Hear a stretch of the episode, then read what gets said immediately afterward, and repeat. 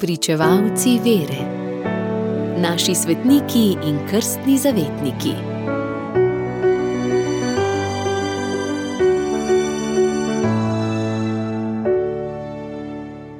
Danes zgoduje sveti Teotim, filozof, misionar in škof, ki je umrl pred letom 431.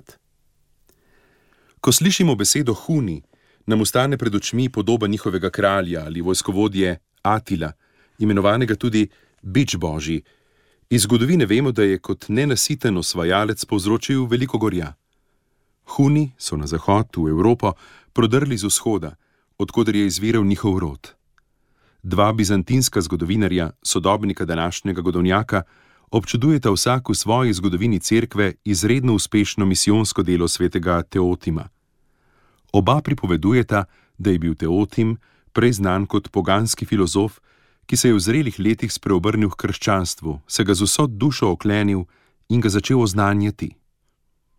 Proti koncu četrtega stoletja je prejel škofovsko posvečenje. Sedež njegove škofije je bilo mesto Tomi ob Črnem morju in prizadeval si je, da pridobi za krst Hune in Gote v spodnjem Podonavju.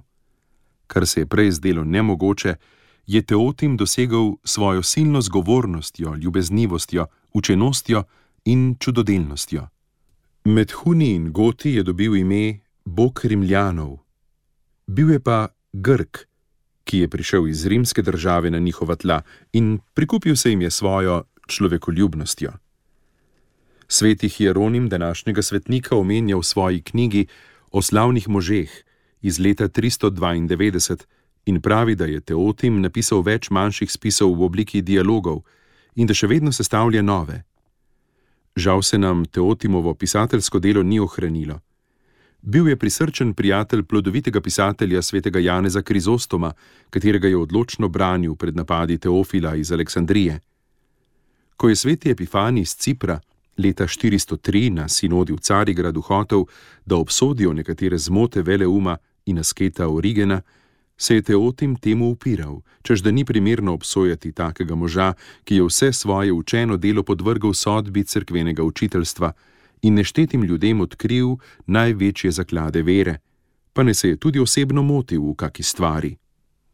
Tako stališče razodeva izredno širino Teotimovega duha in blagost njegovega značaja.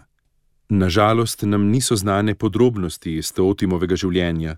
To, kar vemo, pa zadostuje za sodbo, da je bil velik bogoslovni mislec in zelo plemenit človek. Ker se je mnogo mudil na misijonskih potih, tudi onstran meja rimske države, ni zanesljivo znano niti to, kdaj je pravzaprav umrl. Gotovo je samo to, da ga je smrt doletela pred letom 431. Takrat se je koncila v Efezu namreč udeležil že novi škof iz mesta Tomi, Teotimov naslednik.